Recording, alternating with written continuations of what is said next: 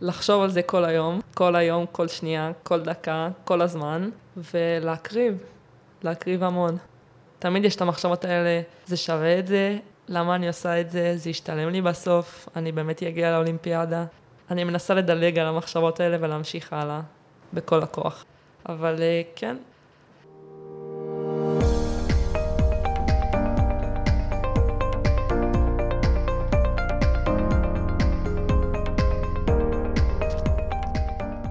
אתמול, סימון ביילס, המתעמלת העל-אנושית, הדהימה את העולם שהחליטה לפרוש מהתחרות הקבוצתית בטוקיו, מה שעלה למשלחת האמריקאית במדליית הזהב האולימפית.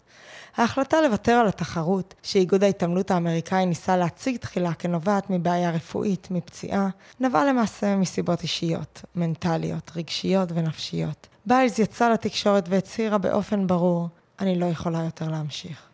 אני מתמודדת עם דברים אישיים. ביילס החליטה כי עבור עצמה, כרגע, הבריאות הנפשית שלה חשובה לה יותר מכל תחרות.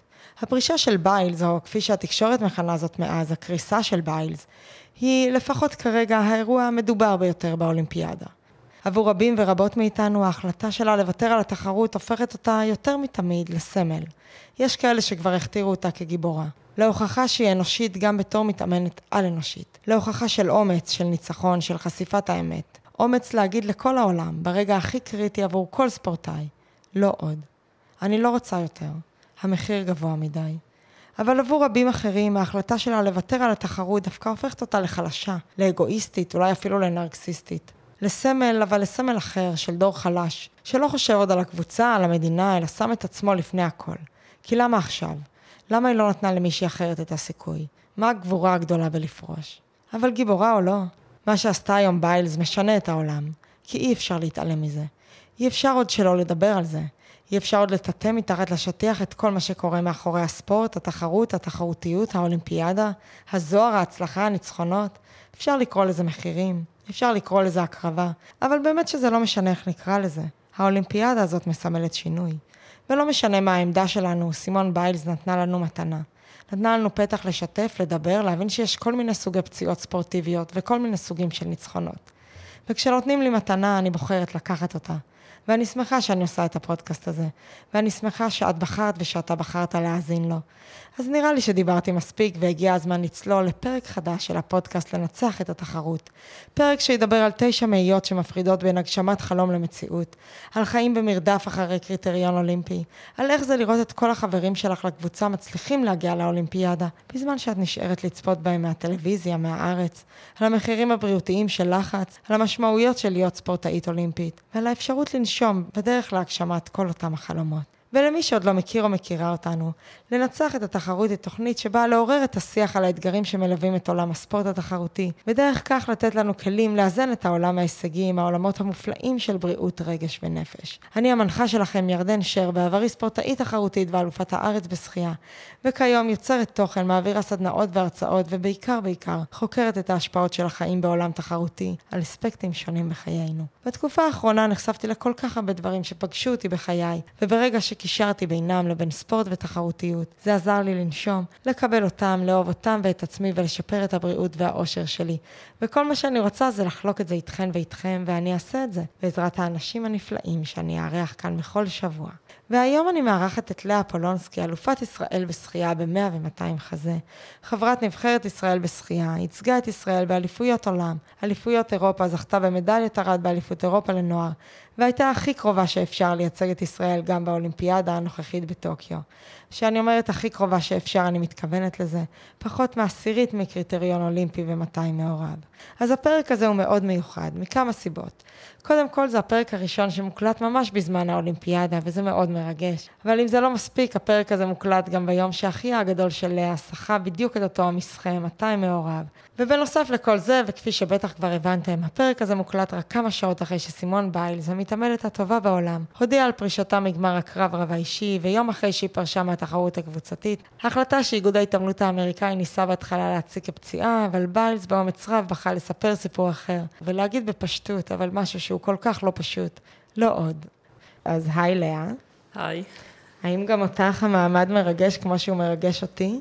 כן, המעמד ממש מרגש, ואני מצפה לזה כבר כמה שבועות. איזה כיף, ככה יצאה באמת הקדמה ארוכה, אז אה, וגם אה, אנחנו, אני, אני אגיד שהמסע לפה לדירה שלי ככה היה לא פשוט, עד הקלטת הפרק גם ברגעים אלו ממש. אז אה, איך הימים האלה עוברים עלייך? איך זה לראות את אחיך מתחרה באולימפיאדה? מצד אחד זה ממש מרגש לראות את אח שלי ובכלל את כל הנבחרת, שבעצם הייתי איתם כל השנה, והם באמת המשפחה השנייה שלי, כי הייתי איתם יותר זמן מאשר שהייתי עם כל המשפחה. אבל אה, מצד שני זה גם קצת עצוב שאני לא שם, ובמיוחד שהייתי כל כך קרובה. כן, אז באמת אה, למי שפחות מכיר ככה את הדרך שלך ואת המרדף, אם אפשר לקרוא לזה מרדף אחרי הקריטריון האולימפי, אז נדבר באמת קצת על אה, זה. אז קודם כל, האולימפיאדה הזאת היא נדחתה בשנה. זה אומר שהיה לך שנתיים להשיג את הקריטריון? נכון. לא שנתיים, חמש בעצם. חמש. מה, תסבירי. אה, מהאולימפיאדה האחרונה עברו חמש שנים, אבל בעצם התקופה של הקביעת קריטריון היא באמת שנתיים, וכן, זאת הייתה תקופה ממש קשה, עמוסה, לחוצה. ומה זה אומר? השנתיים האחרונות היו ממש עמוסות, במלא מחנות אימונים, מלא תחרויות בחו"ל, בארץ, מלא ימים שלא הייתי בבית. זה היה קשה. אז מדצמבר 2019, בעצם את יודעת שעכשיו יש לי איקס הזדמנויות לעשות את הקריטריון, וזאת המטרה, כאילו זה מה שאת רואה לנגד עינייך. ש... בהתחלה זה היה שנה, ואז אה, קיבלת נכון. בעצם עוד שנה. האמנת שאת יכולה לעשות את זה? לא ממש האמנתי שאני יכולה להגיע, אבל ככל שהשנה עברה וראיתי שאני משתפרת ומצליחה יותר, וראיתי שאני מחזיקה עם הטובות ביותר, כי בדיוק היינו במחנה אימונים בארצות הברית, והיו שם את האלופות האולימפיות, וראיתי כאילו שאני מצליחה לעמוד איתם באימונים, וזה ממש הביא לי מוטיבציה. ואז באו ואמרו לנו, טוב, עכשיו יש קורונה, חוזרים לארץ, מפסיקים הכל, ותוך כדי... היית באמצע המחנה? כן, היינו באמצע המחנה. שהלך לך מצוין? כן. אמרו לכם, סטופ הכל? כן. חזרנו לארץ לבידוד של שבועיים, עשינו בידוד משותף בקיסריה, והמשכנו להתאמן כזה, התנאים לא היו וואו, הייתה שם בריכה של לא יודעת, 20 מטר, אפילו אולי פחות, המים קפואים, הביאו לנו חליפות כאלה לשחייה בים, ועשינו מה שאנחנו יכולים, ואחרי כמה ימים באמת אמרו לנו שהאולימפיאדה התבטלה, נדחתה, לא ידענו בדיוק מה הולך להיות. ומה... אז איך את מרגישה? אחד, את אומרת שהיית במחנה בשיאך, ופתאום מחזירים אותך לארץ, ואז גם אומרים שהאולימפיאדה נדחתה. שמצד אחד לא היית בטוחה בעצמך שאת הולכת לעשות את הקריטריון, ומצד שני היית בתקופה הכי טובה עד אז באימונים שלך. נכון, אבל uh, אני אישית שמחתי שזה נדחה, כי הרגשתי שיש לי יותר זמן לנשום ויותר כאילו זמן ואפשרות, החלון הזדמנויות שלי היה יותר גדול עכשיו, לעשות את הקריטריון באמת ולהגיע הכי מוכנה שאני יכולה לאולימפיאדה. לא באמת חשבתי שאני יכולה להגיע לאולימפיאדה או משהו. זה היה חלום רחוק כאילו ממש, אבל... Uh, אז ברגע ש... שאתם שם בבידוד המשותף ואומרים לכם שזה נדחה או התבטל, את אומרת, אוקיי, עכשיו יש לי ממש סיכוי? נכון, כן. כלומר, מאז את, מאז את מאמינה. כן, מאז האמנתי. ואז את ממשיכה בעצם להתאמן בארץ בלי בריכה? אחרי שיצאנו מהבידוד ואמרו שהאולימפיאדה נדחתה, אז אה, לא הביאו לנו להתאמן בשום מקום, כי לא ראו את זה לנכון. ובעצם יצא שלא שחיתי חודש וחצי, שזה מלא, כי כל יום שאתה לא שוחה אתה מרגיש את זה אחרי זה במים. מתישהו בחיים יצא לך לא לשחות חודש וחצי? אה, לא. אולי בגיל ממש צעיר, כאילו אחרי האליפות קיץ, עד תחילת העונה הבאה, וגם נראה לי זה היה פחות. אוקיי, כלומר, חודש וחצי מוצאת את עצמך בלי בריכה, שאולי מגיל שמונה, זה לא יצא נכון. לך כזה זמן, משך זמן ארוך בלי בריכה. נכון. את לא בלחץ מזה של וואו, אין לי בריכה, איך אני אמורה להתכונן לאולימפיאדה? Uh, בהתחלה קצת הייתי בלחץ, אבל תוך כדי שעבר הזמן, אז הבנתי שזה דווקא עושה לי טוב. היה לי יותר זמן להכל, באמת, הספקתי הכל. ולא יודעת, המוטיבציה התחדשה, הרגשתי שאני מתחזקת, וזה הביא לי המון כוח. כלומר, דווקא המקום הזה של פתאום חודש וחצי לא לשחות, והרגשת שיורד ממך לחץ בזמן הזה? כן, הרגשתי שקצת יורד ממני לחץ, וגם כאילו שהנחתי מזה, ואני באה עם אנרגיות מחודשות. את מסיימת את זה, אתם חוזרים לשחות, נכון? בווינגייט. והתאמנו ככה פעמיים, שלוש בשבוע נראה לי, ואז לאט לאט כבר פתחו לנו גם את הבריכה באגודה, והתחלנו לשחות, ומשם הכל התחיל. משם הכל התחיל. כלומר, משם את כבר יודעת, זה עכשיו את במסלול מאוד מאוד ברור, כבר עם הרבה אמונה בעצמך, נכון? של... אה, לא ממש אמונה, אבל אה, עם הרבה מוטיבציה והרבה... הרבה מוטיבציה. זה היה בערך במאי 2020. ומתי התחרויות קריטריון? התחרות קריטריון הראשונה שהייתה, הייתה בתחילת דצמבר. אז בזמן הזה אני מניחה שכל מה שאת רואה לנגד עינייך זה הקריטריון האולימפי. נכון, אז באמת כל השנה האחרונה, בעיקר, גם לפני, אז אה, כל שנייה שאני חושבת על משהו, כל פעם שאני קמה בבוקר, כל חלום שלי, כל דבר, זה על האולימפיאדה ועל המסחה שלי, ועל זה שאני אעשה קריטריון, ועל ה... איך אני חייבת לעשות את זה כבר. וכן, אפילו היה לי כזה שלט אה, מעל המיטה, שהדבר הראשון שהייתי רואה בבוקר זה היה טוקיו 2020, ואז כשזה נדחה אז שיניתי את זה ל-2021, וכן, זה בעצם היה החלום שלי. ואיך איך, איך זה שכל יום, זאת אומרת, כל יום, כל היום, אני זה, ידעתי שזה מה שאני רוצה לעשות, ומתי אני כבר אעשה את זה? אה, מצד אחד זה כן נותן מוטיבציה באימונים, מצד שני זה ממש מלחיץ. גם כל אימון שטיפה לא הולך טוב, טיפה קשה, אז ישר לוקחים את זה למקום, מביאים לזה יותר יחס ממה שצריך להביא לזה, בגלל, ש... בגלל כל הלחץ ובגלל החוסר זמן שיש. וזה היה ממש קשה, גם כל המרוץ הזה נגד הזמן, וכל הזמן לא להיות בבית גם עם כל המחנות אימונים בחו"ל, זה היה תקופה לא קלה. אז מה זה אומר, כאילו, אימון שלא הולך טוב, מה אז עכשיו לא הולך לך טוב באימון, אז מה את חושבת, אז אני לא אעשה את הקריטריון, או וואי, למה לא עשיתי את זה? כן, ממש ככה. אני יודעת שזה לא צריך להיות ככה, ובתקופה רגילה שהיא לא שנה אולימפית, זה לא ככה, אבל בגלל שזה שנה אולימפית, אז כל דבר הוא ממש כאילו, מביאים לזה יחס, וממש מלחיץ. כל דבר שלא הולך טוב, או לא הולך לפי התוכנית, זה כן מלחיץ באיזשהו מקום. ועם הלחץ הזה את מגיעה לתחרות קריטריון בדצמבר, נכון? בהולנד? לקראת אה, דצמבר, לקראת התחרות בהולנד, הרגשתי שאני ממש בכושר טוב ושאני כן יכולה לעשות את הקריטריון הזה. אז ואז... פה את כבר באמת מאמינה בעצמך, כן. אם עד עכשיו זה היה כזה חצי-חצי. אז שם באמת האמנתי כבר בעצמי. ועדיין את מרגישה את הלחץ שהוא כל הזמן, שהוא תמידי? כן, ש... תמיד, כן? כל יום יש לחץ, כל אימון. זאת הייתה תקופה שהיו לי פחות אימונים לא טובים, יותר אימונים שכן הצלחתי לשחות וכן הצלחתי לעשות מה שרציתי, אבל גם באימונים הלא טובים, אז זה פתאום מביא לך עוד כזה, מה, ואם אני לא אצליח לעשות את הקריטריון עכשיו, אם בגלל האימון הזה שלא הצלחתי לשחות טוב, אם בגלל זה אני לא, אני לא אגע טוב בתחרות, ואם בגלל זה אני אפספס את הקריטריון וכאלה דברים. ונגיד כן. שמגיעות כאלה מחשבות, אז מה, את מצליחה לישון בכלל? אה, לפעמים היו לילות בלי שינה, אבל אה, כן, כאילו אתה חי בתוך זה, זה מה שמביא לך מוטיבציה. זה גם מקשה עליך, אבל זה מה שגורם לך בעצם לרדוף אחרי החלום שלך. ואיך הלך שם בתחרות? אמ, אז בעצם ביום הראשון או השני, זינקתי ל-200 חתירה ושברתי שיא שלי. זה הביא לי עוד מוטיבציה בעצם, ויום אחרי זה היה את ה-200 מעורב. אז אמרתי שכאילו, זהו, אני עושה את זה, ואז uh, הגיע הלילה, ובעצם לא הצלחתי לישון כל הלילה. אז הייתי צריכה להתעורר באיזה שש בבוקר, וגם לא הצלחתי לישון עד איזה שלוש או ארבע בלילה. ובעצם אה, זה היה קשה ומלחיץ. ואז באתי, ו...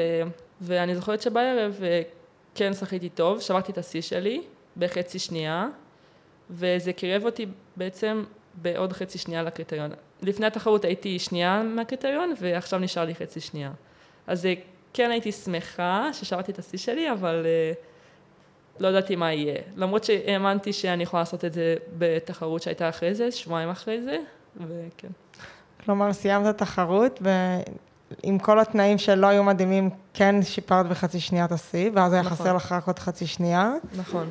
והיה לך את ההזדמנות לעשות את זה שבועיים אחרי זה פה בארץ בעצם, נכון. בתחרות קריטריונים. כן.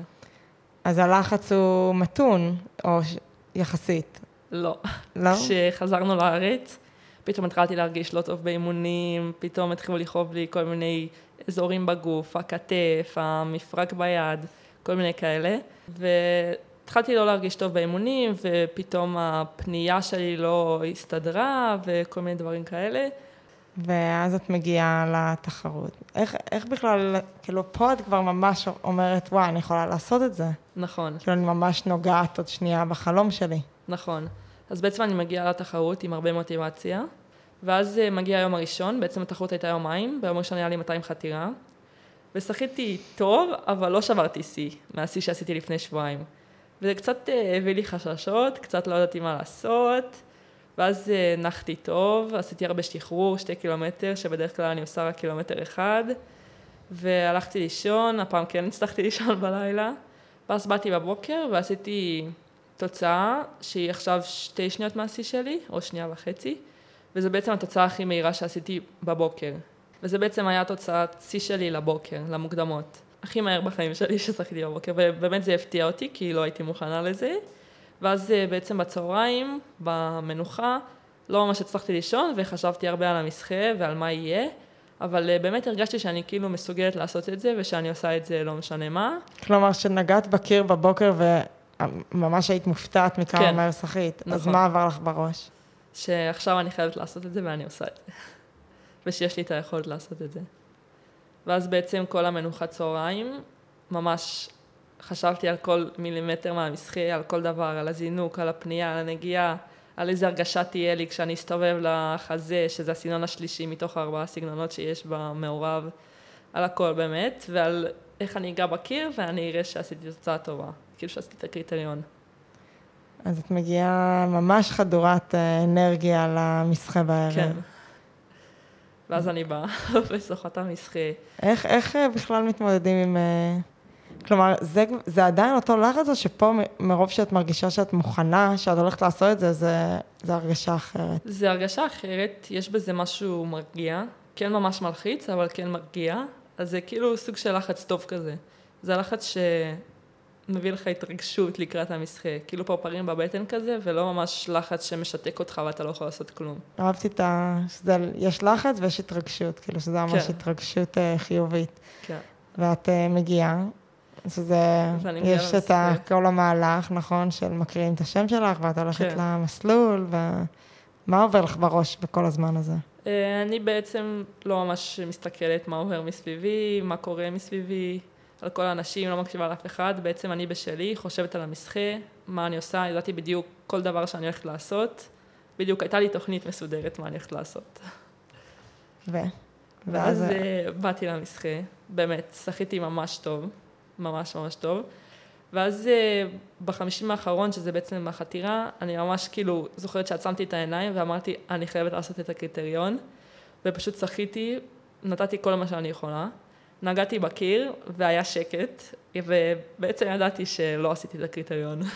ואז אה, אחרי כמה שניות, אז בעצם גיא דר, שהוא מקריא את התוצאות, אז הוא אמר לי, כאילו הוא הקריא שעשיתי 2.12.65, כשהקריטריון 2.12.56. וואו, אוקיי. אה, מצד אחד, אני ממש, זה שימח אותי שעשיתי את התוצאה הזאת, כי זו תוצאה באמת טובה, שאני מאוד שמחה ממנה, אבל מצד שני, אני הייתי כזה, לא יכול להיות שעשיתי כל כך קרוב לקריטריון ולא עשיתי את הקריטריון. ובאמת גם תוך כדי המשחק הרגשתי שהסיבוב גב חזה שלי היה על הפנים ואמרתי, וגם בתחרות לפני שבועיים הוא לא היה טוב. אז אמרתי, ידעתי שזה, זה, שזה בגללו כאילו לא עשיתי את הקריטריון. וכן, היה תחושה של פספוס, אבל עדיין כאילו האמנתי שאני יכולה לעשות אותו ושיש לי עוד חצי שנה בעצם להשתפר ולהגיע יותר מוכנה לתחרות. אז מה, בזמן המשחק, נגיד, את מזנקת ואת מרגישה שלא הולך לך שהזינוק לא היה טוב, ואת צריכה, את מסתובבת בין הגב לחזה ואת אומרת, הסיבוב הזה לא היה טוב. נכון, אבל עדיין כל כך, היה לי תוכנית כל כך מסודרת, שאפילו זה שהסיבוב לא הלך טוב, כאילו זה לא ממש הלחיץ אותי תוך כדי המשחק. עדיין חשבתי על מה אני רוצה להשיג ועל הקריטריון שאני רוצה לעשות. ואת נוגעת בקיר ואת שומעת את גיא אומר את התוצאה, אז איך, כאילו, מה, מה מרגישים ברגע הזה של תשע מאיות? פספוס, ממש פספוס. הדבר הראשון שאמרתי זה היה fuck. כאילו, איך לא עשיתי את זה? תשע מאיות זה באמת, זה כלום. כאילו, אם הציפורניים שלי היו יותר ארוכות, הייתי עושה את זה. כמה יוצא לשחזר את זה מהרגע שזה קורה, ואתה אומר, תשע מאיות. זה יוצא לך שאת חושבת, אני רק הייתי עושה את זה. כן, רק... כל הזמן. כל יום מאז התחרות ההיא. בעצם עד התחרות הקריטריון האחרונה, זה מה שחשבתי עליו, איך לא עשיתי את זה, ועכשיו אני חייבת לעשות את זה. לא, את לא חושבת על זה יותר? נגיד היום לא יוצא לך לחשוב על זה כבר? גם יוצא לי לחשוב על זה, אבל היום זה כבר אה, פחות רלוונטי, זה כבר אבוד כאילו. אז את לא נותנת לזה בעצם לשבור אותך, להפך, או גם וגם. אה, לא, אני חושבת שלא ממש נתתי לזה לשבור אותי, וגם היו אנשים ששאלו אותי, מה, איך תמשיכי עכשיו להתאמן, זה הפוך, אני לא, זה לא מביא לי מוטיבציה. ואני אמרתי להם, לי זה דווקא כן מביא מוטיבציה, כי אני כן שברתי שיא שלי בהמון השנה, ואני כן חושבת שאני יכולה לעשות את הקריטריון, ויש לי עוד הרבה זמן, כאילו, יש לי עוד חצי שנה כמעט. מה, אנשים הגיעו, זה לא נשמעת כמו שאלה שנחמד אה, לשמוע. איך נכון. את הולכת להמשיך עכשיו? נכון, אבל אה, אנשים תמיד מדברים, תמיד מתעניינים. אז נגיד, אם נגיד אפשר לתת כבר פה באמצע הדרך טיפ, נשמע שזה פחות כדאי לשאול. אנשים נכון. שהחמיצו בקצת את הקריטריון. נכון. אבל זה מעניין אותם, וזה מסקרן אותם, כאילו, איך אני הולכת לפעול עכשיו. וכן.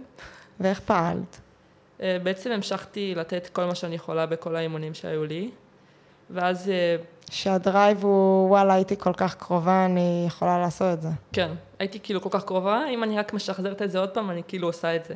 אני רק כאילו צריכה לשחזר את זה עוד פעם, את התוצאה. כי בעצם זה תשע מאיות, זה... זה בעצם חצי שנה שיש. למה זה לא מרגיש כאילו כזה, יואו, אם רק הייתה עכשיו עוד תחרות, אני הייתי עושה את זה עכשיו? אה, כן הרגשתי ש...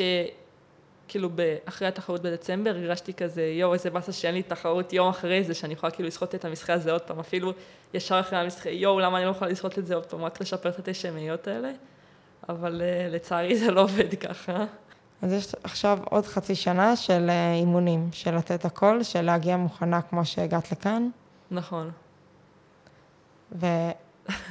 ואיך מתחילים אז שוב את ה... כמו שאת אמ, אומרת, מה עכשיו? בעצם היה לי איזה כמה ימים מנוחה, יומיים נראה לי, לא ממש הרבה מנוחה, ואז אה, ישר מתחילים מהנקודה שממנה עצרנו, שזה בעצם שיא הכושר, לא מורידים בכושר. ממשיכים לעבוד חזק, נותנים הכל כל אימון. שיש לך עוד שתי תחרויות בעצם. נכון. את מאמינה, ואת יודעת שאת הולכת לעשות את זה. נכון. היה לך ספק בכלל? כן היה ספק באיזשהו מקום, אבל היה יותר אמונה מאשר ספק. מתי קרה שפתאום גם הבריאות שלך הייתה כזה נגדך? אמ, אז בעצם בערך בינואר טסנו למחנה בטנריף, וזה היה מחנה טוב, באמת הרגשתי טוב, התאמנו טוב, הכל היה טוב, ואז אה, כשחזרנו לארץ, אז בעצם היינו צריכים לעשות את החיסונים לקורונה. ואז אה, עשינו את שני החיסונים, ולפני החיסון השני, אז פתאום התחילו לי אלרגיות, או לא יודעים מה זה היה, פתאום התחילו להתנפח לי העיניים, ואז אה, שבוע אחרי זה, פתאום גם השפתיים, ואז זה, זה גם היה איזה שלושה ימים לפני הטיסה. ואז כשטסנו, אז גם בטיסה התנפחו לי השפתיים, ועוד פעם היינו במחנה בטנריף, שהוא היה שבועיים, וכל השבועיים האלה, כל פעם משהו אחר קרה. או שהתנפחו לי העיניים, או שהתנפחו לי השפתיים, או שהיו לי פריחות וגירודים, ובעצם לא יכולתי להתאמן כמו שצריך, וכל היום הייתי בטלפונים עם רופאים מהארץ, או שנסעתי לבתי חולים שם, או ש... הכל היה על הפנים שם. אני מניחה שזה לא עוזר ללחץ ולאוי ויי הפסדתי אימון. נכון, זה היה ממש אה, קשה, במיוחד כשאמרתי ש... כל אימון שמפסידים זה בעצם עולם ומלואו, כי זה ממש משפיע לדעתי, לפחות אצלי. ובעצם אמרתי את זה למאמן שלי, חנן, אז אחרי אה, שבוע או שבועיים, אז אה, אני כן מתחילה להתאמן, אבל איתו לבד, בגלל שזאת הייתה בריכה פתוחה, ובעצם אמרו לי שלא כדאי לי להיות עכשיו בשמש. אז אני שחיתי לפניהם מוקדם בבוקר, ואחריהם מאוחר בערב, ושחיתי לבד. וזה היה ממש קשה. גם ממש כאילו, לקחתי כדורים שהם ממש עושים לא טוב לגוף, ולקחתי אותם תקופה ממש ארוכה, כי אף אחד לא ידע מה להגיד לי, וכי פחדו כי הייתי בחו"ל ולא הייתי בארץ. וזה ממש גרם לכל השרירים בגוף שלי להיות חלשים, וזה, הרגשתי שאני לא מצליחה לסיים 100 מטר, אבל עדיין המשכתי להילחם, והמשכתי לעבוד הכי טוב שאני יכולה והכי חזק, כי בעצם החלום שלי לא נגמר פה, ואני לא אפסיק עכשיו בגלל שמשהו קטן שבעצם לא ממש היה קטן, אבל קרה בדרך, וכן, המשכתי להתאמן בעצם לתת כל מה שאני יכולה. כאילו פתאום הגוף שלך יש לו כל מיני אלרגיות ודברים כאלה, ואת לא יודעת למה זה, ובעצם אף אחד גם לא יודע. נכון. הלוא הרופאים לא יודעים, אז כן ממליצים לך להימנע מהשמש, ואת מוצאת את עצמך גם מתאמנת לבד. נכון. שנראה לי גם ככה יש תחושת לבד, אה, כמו שאת אומרת, את, את בכלל לא בבית רוב הזמן הזה. כן. אז אני אה, מניחה שזה לא מקל על זה. נכון. ושאת פתאום לא מצליחה באימונים לעשות את מה שאת רגילה. נכון. ואני עושה גם אימונים הרבה יותר קלים ממה שהייתי אמורה לעשות באותה תקופה. שזו בעצם התקופה שהייתי אמורה לעבוד הכי חזק והכי, האימונים הכי קשים. אז מה, מה עובר לך בראש שם? אה, זה ממש הלחיץ אותי וממש הוריד לי את הביטחון עצמי. ובעצם אה, התחילו הספקות, והאמונה התחילה לרדת, ואיתה גם המוטיבציה. אה, כן, חשבתי, וואי, אם רק הייתי עושה את זה אז, אז לא היה לי עכשיו את כל הלחץ הזה, הייתי חוזרת לארץ, מטפלת בזה, וזה היה עובר, ואז כאילו הייתי מתאמנת רגיל. אז עם כל הקשיים וכל התרופות, ואת עדיין אומרת לי שאת נתת את המאה אחוז, כי יש לך עדיין את החלום. נכון. אז כן, את עדיין מאמינה שאת יכולה לעשות את זה.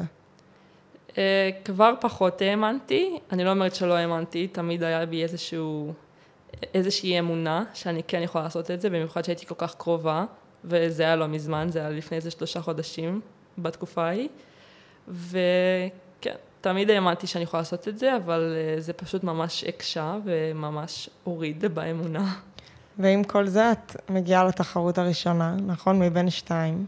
נכון. שעוד בעצם אף אחד לא יודע מה, מה יש לך. נכון. ואיך הולך שם? אה, זו הייתה בעצם תחרות בארץ, ואני כבר, אני חשבתי שאני לא אשחה טוב בתחרות, כבר, אה, כבר לא ידעתי מה לעשות.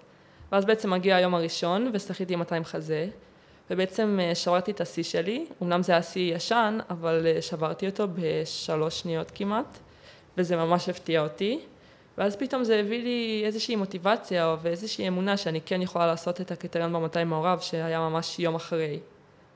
ואז אני באה ליום של ה-200 מעורב, וכל מה שיכול להתפקשש, התפקשש.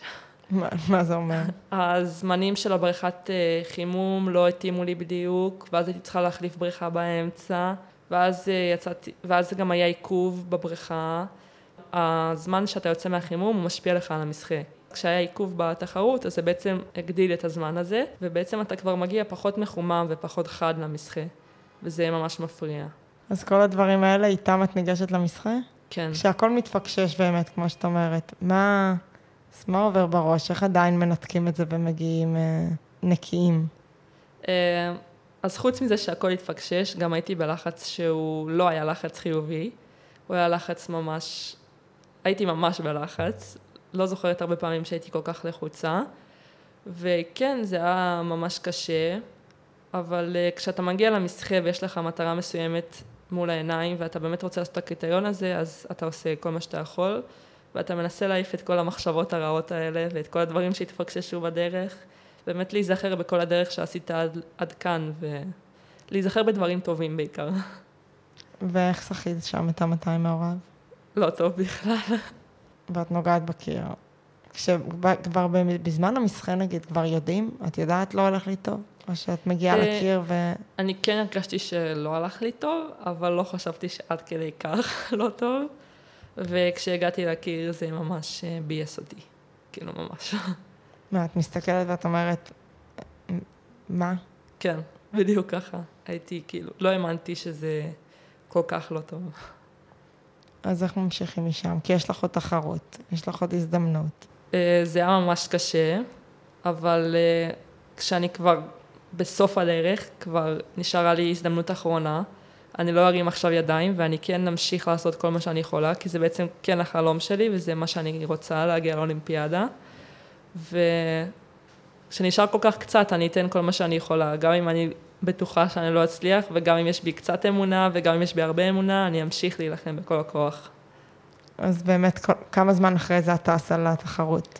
אה, אחרי שבוע נראה לי טסנו, ואחרי עשרה ימים התחילה התחרות. ובעצם ו... זה, שם זאת ההזדמנות האחרונה, זה נכון. או שכן או שלא. נכון.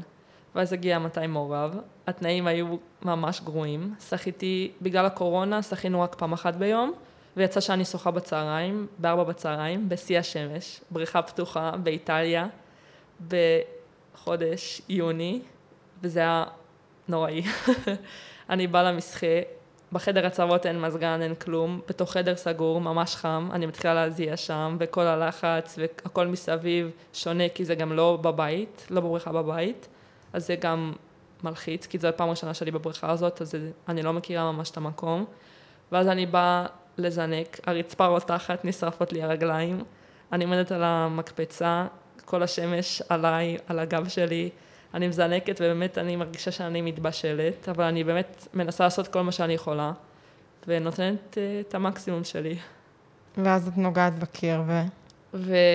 ושחיתי יותר מהר מהתחרות בארץ, בשנייה, שזה עדיין רחוק בשנייה וחצי מהקריטריון, וזה ממש ביאס אותי, אבל באיזשהו מקום זה היה ממש הקלה, וממש אמרתי כבר, מזל שסיימתי עם זה. מה זאת אומרת הקלה? את נוגעת בקיר ואת מבינה ש... אני נוגעת בקיר ואני מבינה שלא עשיתי את הקריטריון. כלומר, את לא תטוסי לאולימפיאדה השנה. נכון. וזה כן נורא מאכזב, כי אני מבינה שאני לא טסה לאולימפיאדה, אבל באיזשהו מקום זה הרגיש לי ממש הקלה. מכל ה... שעכשיו אין לי יותר את הלחץ הזה ואין לי את המרוץ הזה אחרי הזמן ואחרי הקריטריון, ושעכשיו אני אהיה יותר רגועה ויהיה לי יותר זמן לנוח ולהשתחרר, מה שלא היה לי בשנתיים האחרונות. כשאת נוגעת בקיר ופתאום את מבינה, וואו, זה לא, זה לא הולך לקרות, וכל ה... לא הולך לקרות אף פעם לפחות, את יודעת, וכל כן. ה... אה, מה שתלוי לך מעל המיטה, טוקיו 2020 ואז טוקיו 2021. ועדיין את אומרת שזה אפילו היה משחרר קצת. נכון. כי בעצם, כמו שאמרתי, השנתיים האחרונות היו ממש קשות. כל הזמן לרוץ מתחרות לתחרות אחרי הקריטריון, ועוד פעם תחרות שלא הלך טוב, ואכזבות, ועוד לחץ מהאכזבות על זה שלא הלך טוב, ואיך זה ישפיע על הקריטריון, ומתי אני אעשה כבר את הקריטריון, ואיך הייתי כל כך קרובה ולא עשיתי, וזה שלא הייתי הרבה זמן עם המשפחה שלי בבית, ושהייתי רחוקה מהבית, מהחברים, שלא היה לי זמן לכלום כמעט, כל היום רק אימונים ותחרויות. כן, זה היה קשה וממש מלחיץ. וזה כן הרגיש לי הקלה שעכשיו סוף סוף אני כבר לא צריכה לעשות את זה. למרות שאולימפיאדה זה כן החלום שלי ואני כן ממש רוצה להגיע לשם. אז איפה, איפה, הספקת לנשום בשנתיים האלה? Um, מרגיש לי שלא, רק באמת בקורונה, שלא שחינו חודש וחצי, היה לי שם סוג של אה, נשימה. שזה קטע, כי אחרי הנשימה הזאת, אז דווקא הלך לך אה, טוב. נכון. כלומר, יכול להיות שדווקא להוריד קצת מהלחץ, להוריד קצת מהעומס, יכול כן אה, להיות דבר חיובי בתוך תקופות כאלה לחוצות? להוריד מהלחץ זה בטוח יכול להיות חיובי, כי לחץ זה לא דבר טוב, רק בתחרות שצריך לחץ, אבל לא לחץ מהסוג הזה. והעומס, כן, לפעמים צריך להוריד, אבל בגלל שעכשיו היה את הקורונה, וזה היה הכל אי ידיעה אחת גדולה, זה היה ממש קשה. זה הרגשת את זה גם על הריחוק מהבית, או אתם גם חבורה מאוד מגובשת, זה נשמע? כאילו, את מרגישה לבד, את מרגישה ביחד, את מרגישה, אני רוצה את המשפחה? כן, אה, האנש, האנשים שהיו איתי, הם ממש, התקרבתי אליהם ממש בשנתיים האחרונות, כי באמת הייתי איתם רוב הזמן. אבל לפעמים אתה כן מרגיש לבד, ולפעמים אתה כן מתגעגע לבית, למרות שאח שלי היה שם איתי כמעט בכל התחרות וכמעט בכל המחנות אימונים, והיה לי מישהו כאילו מהמשפחה שאני יכולה לשתף אותו במה אני מרגישה ומה עובר עליי. זה עדיין קשה להיות כל כך הרבה זמן מחוץ לבית ורחוק. באמת מדברים על הקבוצה, אה, כאילו אנשים שאת נמצאת איתם כל השנתיים האלה, אז גם בתחרות האחרונה, נגיד שני שחיינים הצליחו לעשות קריטריון, וגם לאורך הדרך כל פעם זה המשלחת הכי גדולה בשחייה שהייתה. וכל פעם עוד מישהו עושה קריטריון ועוד מישהו עושה קריטריון. איך זה מרגיש? אה, מצד אחד אני ממש גאה בהם, וזה ממש מגיע להם לכל אחד מהם, כי אני ראיתי איזה עבודה, את הדרך שהם עברו ואת העבודה הקשה שהם עשו בשביל זה. ומצד שני, כשראיתי שהם עושים את הקריטריון ואני לא מצליחה לעשות אותו, אז זה כן הייתה לי צביטה בלב, וכן הייתי כזה, למה הם עושים ואני לא מצליחה לעשות? למה הם מצליחים לעשות אותו בתשע מאיות או במאית, ואני מפספסת אותו בתשע מאיות נגיד? למה כאילו, יש להם מזל עם המאיות ולי אין מזל עם המאיות, אבל אה, כן, עלה בכל אחד מהם שם, שהם באולימפיאדה ואני לא. זה היה לי ממש קשה לבוא ולפרגן להם, אבל זה, הרגשתי שאני חייבת לעשות את זה, כי באמת מגיע להם ובאמת אני גאה בהם. זה פשוט היה לי קשה להראות את זה, בגלל שאני כאילו לא עשיתי את זה. זה פשוט אה, הרגיש לי נורא קשה, כי אני לא הצלחתי לעשות את זה, והם כן, ו... לא יודעת. כן. אני לא הסתרתי את זה שזה קשה לי, הם גם ראו את זה, והם ראו שאני מקנאה בהם. אז גם נגיד עכשיו שאת פה והם שם, איך זה לצפות בתחרויות? אה, זה כן קשה לצפות בזה, אבל אה, זה גם מרגש וממלא אותי גאווה לראות אותם שם, שאני הייתי חלק מהדרך שלהם, במיוחד אח שלי, שהוא הופיע ממש טוב היום ושחק ממש טוב. זה קשה לצפות מזה מהבית, אבל אני לא אוותר על זה, כי זה ממש חשוב לי לראות אותם, לפרגן להם, לעודד אותם. ואז גם אה, חברה שלך, שבעצם אה, אביב, נכון? שהיא הייתה הרבה יותר רחוקה ממך מהקריטריון, תקני אותי אם אני טועה. לא. גם, גם היא מצליחה להגיע לאולימפיאדה. נכון. נכון? אה, אני ואביב, אנחנו חברות ממש טובות. כבר מגיל 16 היינו טסות למלא תחרויות בחו"ל, מחנות אימונים בחו"ל. כל הזמן היינו ביחד בחדר, כל הזמן שיתפנו אחת את השנייה בחוויות. מה שנקרא, היינו בלתי ניתנות להפרדה. וגם במסע הזה היינו ממש ביחד. כל פעם שמישהי לא הלך לה טוב, או מישהי כן הלך לה טוב, היינו, אחת שם, היינו שם אחת בשביל השנייה, לעודד או לתמוך, מה שצריך. והיום שהזמינו אותה, שזה בעצם היה שבוע אחרי התחרות הקריטריון, זה בעצם אה, עוד פעם פתח לי פצע שכבר אה, קצת הספיק להחלים, וזרה לי מל- מלח על הפצעים, מה שנקרא. והיו לי כמה ימים אה, לא קלים, אבל כן. כן. אז נגיד, ואני בטוחה שזה לא פעם ראשונה שקורה, שיש קבוצה ולא לא כולם עומדים ביעד שלהם של הצבת קריטריון, לא משנה לאיזה קריטריון זה. אז יש איזו הכוונה, מדברים איתכם על זה, כאילו איזה מישהו מוביל אתכם לתהליך הזה של אוקיי, הנה עכשיו, אה, עכשיו הנה חברה שלך, אה, כן הזמינו אותה, ואתן בלתי נפרדות, מה, איך אפשר להכיל את זה או לאבד את זה, או הנה חבר, איך את עכשיו הולכת לצפות באולימפיאדה כשאת לא הצלחת לעשות את הקריטריון. אה, לא ממש מישהו מדבר איתך על זה. כן, המשפחה והמאמנים, החברים תומכים ושואלים, אבל בסופו של יום אני צריכה להתמודד עם זה לבד, ואני צריכה לראות את זה לבד, והרגשות שיש לי זה אני, אני מרגישה ולא הם מרגישים, וזה נורא קשה שבעצם אין מישהו שיכול ממש להבין אותי, איך אני מרגישה. כן. והם מנסים לעזור, כי באמת יש להם כוונות טובות, אבל הם לא באמת יכולים, כי הם לא יודעים מה אני עוברת. וזה... אבל נשמע שאת מצליחה לשלב ככה בין האהבה והפרגון כן, ולקושי ול... אז נגיד עכשיו שאת היית איתם כל הזמן הזה, והם עכשיו באולימפיאדה ואת לא. אז מה, את תופסת אותם כשחיינים אחרים? כי הם ספורטאים אולימפיים? כי הם הגשימו את החלום? אה, ברור שאני רואה אותם עכשיו כשחיינים אולימפיים, שזה משהו וואו, שזה משהו שכל שחיין לדעתי חולם להגיע אליו ולהיות. ואני כן תופסת אותם ברמה מעל כולם, כי הם בכל זאת היו באולימפיאדה, אבל אני מקווה שהם לא יתנהגו ככה, לפחות לא איתי, כאילו שהם לא יהיו כזה מעליי, שהם לא יראו שהם מעליי, כי הם היו כאילו ואני לא הייתי, וכן, מקווה שהיחסים בינינו יישארו אותו דבר. ונגיד, למה לא שחית משחקים שיותר קל להתברג בהם, נגיד 200 פרפר או 400 מעורב? כן, לא ממש חשבתי על זה, לא ממש בניתי על ה-cut B הזה, כי באמת חשבתי ורציתי לעשות את ה-cut A. כי זה יותר נחשב בעינייך, או שפשוט לא היה לך בתודעה? Um, לי אישית, יותר, לדעתי זה יותר נחשב cut A כאילו, ואני הייתי כאילו יותר שלמה עם עצמי שעשיתי cut A ולא cut B, ואז מישהו הזמין אותי כאילו. היית, היית אומרת שאת פרפקציוניסטית, לאה? כן, יכול להיות. במיוחד לדברים שקשורים לשחייה ולחלום הזה. כן. מה, מה זה אומר? איך זה מתבטא לדעתך? זה מתבטא בכל אימון. כל דבר, ש... מה שאמרתי, כל דבר שאני לא עושה טוב, או כל דבר שלא הולך לי, זה ישר אה, גורם לי לביאוס גדול, והרבה יותר ממה שזה אמור לגרום. אז באמת, אה, נגיד, אם היית יכולה, לא יודעת, אם היית יכולה לשנות את זה, או אם היית עכשיו, יש לך אה, עוד שלוש שנים לעשות קריטריון. את חושבת שתפעלי אחרת? כן, אני אישית רוצה להיות, לנסות להיות יותר רגועה, לבוא יותר רגועה, לקחת הכל בפרופורציות, לא לקחת, לא להילחץ ולהתבאס יותר מדי מכל הדברים הקטנים האלה שלא באמת משפיעים על זה כל כך. וגם אם הפסדתי אימון אחד, זה לא באמת מה שישנה את, ה, את כל הדרך שעברתי ואת כל מה שאני עושה בשביל זה. כן, כן, לבוא בראש יותר פתוח, מה שנקרא.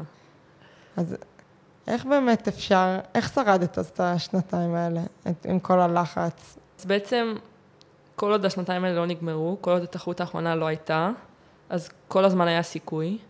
ולמרות שהיו הרבה אכזבות בדרך והרבה נפילות, כל אה, דבר, כל פעם שהצלחתי לעשות משהו טוב, או כל ניצחון, זה היה, זה הביא לי בוסט אחד גדול, באמת הקפיץ אותי כמה רמות מעל. וכשהחלום הזה עומד לך מול העיניים כל כך הרבה זמן, אז אתה תעשה הכל בשביל זה, גם אם ממש קשה וגם אם לא הולך טוב, תקופה ארוכה או תקופה קצרה, אתה לא תוותר ואתה פשוט תמשיך. את מרגישה שהקרבת דברים בשביל זה? היית קוראת לזה הקרבה? כן. זמן עם חברים, אה, לבלות עם המשפחה שלי, שעכשיו שנה הבאה אני טסה לקולג' ולא באמת יצא לי להיות עם המשפחה. אז זה בעצם השנה האחרונה שלי בבית, ולא ממש הייתי בבית, הייתי רוב הזמן בחו"ל. הרבה, לא יודעת, נגיד לצאת למסיבות, או לצאת עד מאוחר עם חברים, או לשתות, או לאכול באיזושהי מסעדה שהיא לא ממש בריאה, או ללכת לאכול גלידה, נגיד. כל הדברים האלה שלא עשיתי כי היה לי אימון, או כי יש לי תחרות מחר, או כי אני צריכה לשמור על אוכל כדי להתכונן לתחרות עוד חודש. אז מה זה אומר מבחינתך להיות שחיינית אולימפית? זה אומר אה, לחשוב על זה כל היום, כל היום, כל שנייה, כל דקה, כל הזמן, ולהקריב, להקריב המון, ולהשקיע המון השקעה. וכשתגיעי לשם, כי את תגיעי לשם, אז איך את אה, חושבת תרגישי? שכל הדרך וכל הקרבות שעשיתי, זה משתלם בסוף. היה לך קצת תחושה של עכשיו זה לא ישתלם? למה עשיתי את זה? אה, תמיד יש את זה. תמיד יש את המחשבות האלה, זה שווה את זה, למה אני עושה את זה, זה ישתלם לי בסוף, אני באמת אגיע לאולימפיאדה. אבל אה, כן, זה חלום שבאמת אני רוצה להגשים, ובאמת אני רוצה להצליח, אז uh, אני מנסה לדלג על המחשבות האלה ולהמשיך הלאה בכל הכוח. את חושבת שיש איזשהו קשר בין הלחץ המאוד גדול ששמת את עצמך בו, לבין האלרגיות או משהו הבריאותי הזה שפתאום קפץ לו והפריע לך, אה, כאילו באמת פגע בך? יכול להיות, במיוחד שאף אחד לא יודע מה זה. את חושבת שאפשר למתן את הלחץ הזה?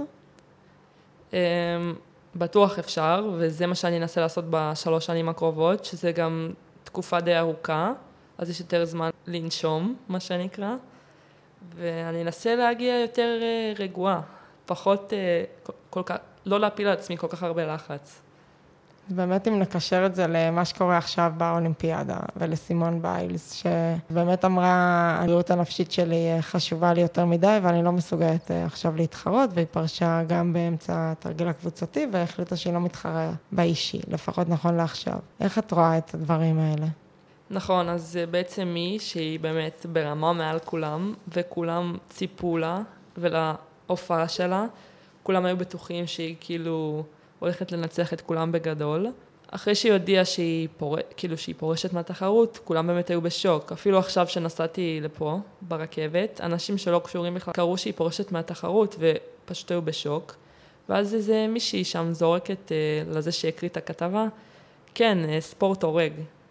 אז כן, אה, חשבתי על זה קצת, וזה באמת, זה ממש קשה. כל הלחץ הזה, כל הלחץ, לא יודעת, המנטליות הזאת צריך להיות בראש ממש חזק כדי להצליח בספורט. ובמיוחד שאתה עולה רמה ויש ממך יותר ציפיות, אז זה יותר קשה, ונופל עליך יותר לחץ, וזה ממש קשה. מצד אחד אני מבינה אותה, אבל גם אני אישית הייתי בשוק, כי לא חשבתי שברמות כל כך גבוהות זה יכול לקרות, אבל... אה, אז נגיד שאת שומעת מישהי אומרת ב... ברכבת, מישהי שהיא כנראה לא מהעולם הזה, כמו שאת אומרת, פתאום ספורט הורג. כן. מה זה אומר?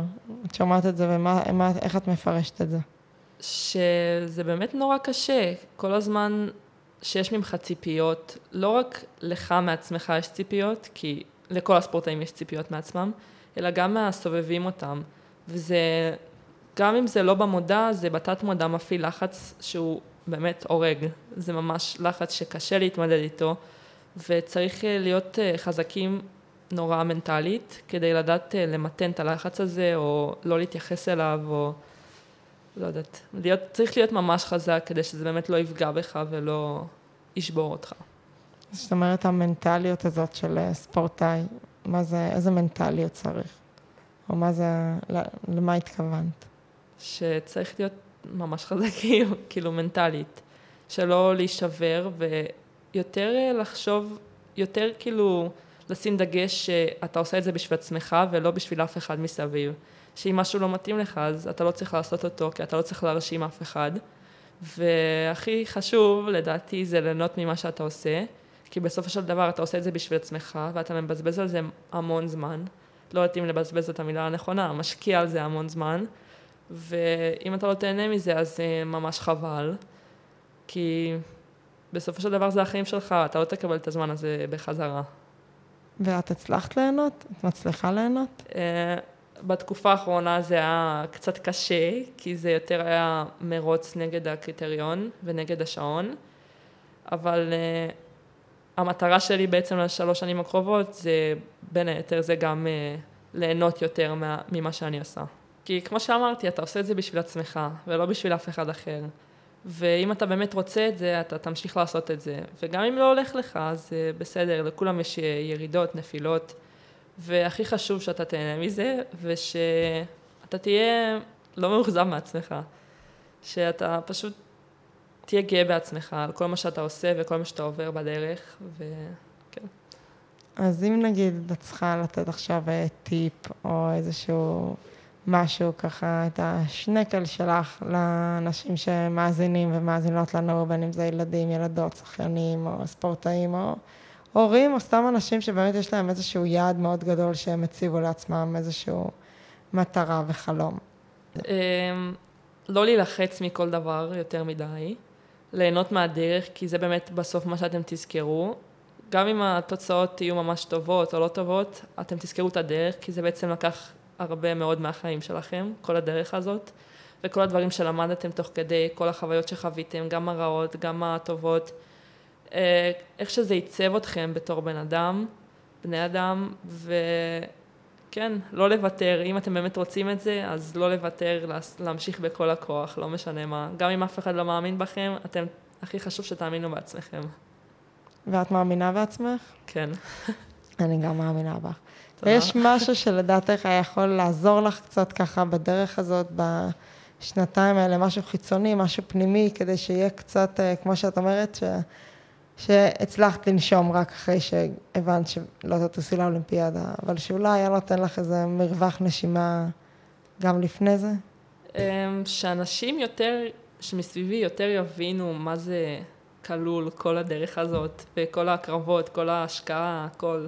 כי אנשים שמסביב לא באמת מבינים את זה, גם אם הם חיים איתי וחיים את כל מה שאני חיה ושאין לי זמן להיפגש איתם, נגיד חברה שלי, היא כל היום חיה במציאות הזאת שאין לי זמן להיפגש איתה ושכל יום יש לי אימון וזה, וביוני האחרון היא הייתה בתחרות, פעם ראשונה בחיים שלה, והיא פשוט הייתה בשוק, היא לא האמינה שכמה אומץ, כמה מוטיבציה צריך רק כדי לעלות על המקפצה ולשמוע שצועקים את השם שלך. שלא נדבר על לשחות או לשים את הבגד ים הזה שמוחץ אותך ואי אפשר לנשום איתו בכלל. אז כן, שיהיה יותר אה, מודעות לאנשים, שידעו כאילו מה זה כל הדרך הקשה הזאת ושזה לא רק לא להיות בבית כל היום או זה. כלומר, כשאנשים רואים את האולימפיאדה, או כשאת אומרת לאנשים אני שחיינית, הם לא מבינים באמת מה זה ומה כלול בזה. נכון, הם לא באמת רואים את כל הדרך מאחורי זה, הם רק רואים את התוצאה בסוף, שאני כאילו כמעט באולימפיאדה, או שאני שחיינית אולימפית. הם לא רואים מה צריך לעבור בשביל זה, או להקריב, או עם מה צריך להילחם. נראה לך שבאמת אם היה יותר אה, הבנה של מה המשמעויות האמיתיות של הדבר הזה. של הספורט. כן, זה היה עוזר לדעתי. אז זה היה פחות הורג? אה, לא יודעת אם פחות הורג, אבל ככה הסביבה הייתה יותר תומכת ויותר עוזרת. לא רואים רק את הבחוץ, לא רואים רק כן. את התוצאה הסופית. ואז הם גם לא נופל עליך לחץ מוגזם, שהסביבה שלא באמת מבינה מה עובר עליך, מפעיל, מפעילים עליך. במיוחד שהם רואים שנגיד אני תשע מאיות מהקריטריון, אז הם אמרו, מה זה תשע מאיות? זה כלום. כאילו, למה את לא יכולה לעשות את זה עכשיו? לקפוץ למים ולעשות את זה. כי הם לא באמת מבינים מה זה כלול. כן. אז מה עכשיו?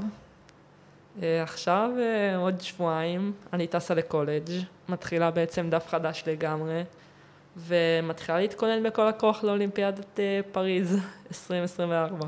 אז יאללה, בכל הכוח, דרך חדשה, שיהיה לך המון המון בהצלחה. איזה כיף ככה שהספקנו לעשות את השיחה הזאת.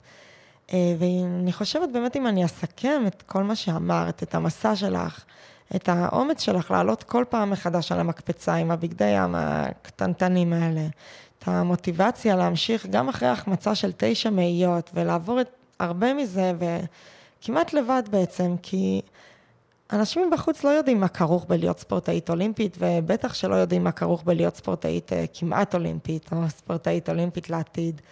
אה, וכמו שאמרת, זה גם כל כך מתקשר להחלטה המפתיעה, ובעצם הלא כל כך מפתיעה, או הקריסה הזאת של סימון ביילס.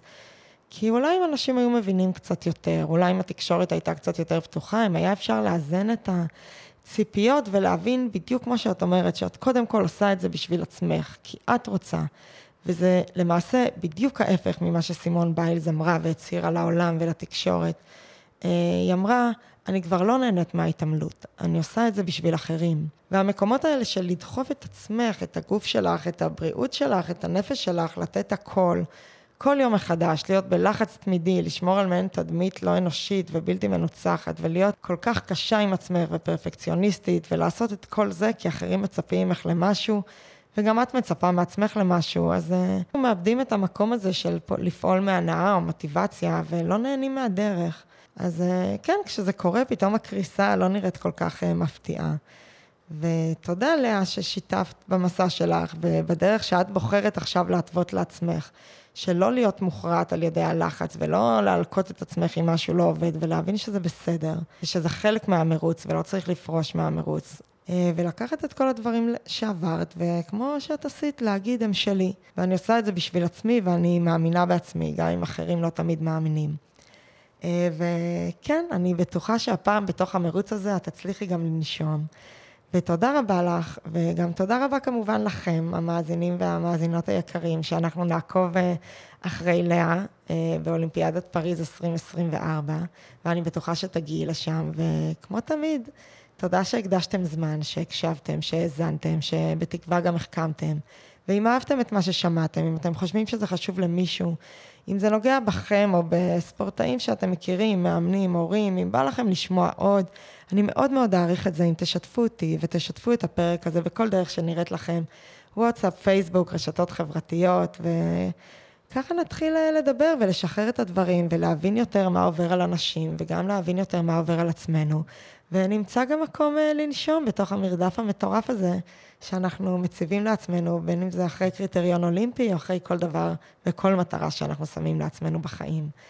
אה, והמון אהבה, ואנחנו כמובן ניפגש בפרק הבא. להתראות.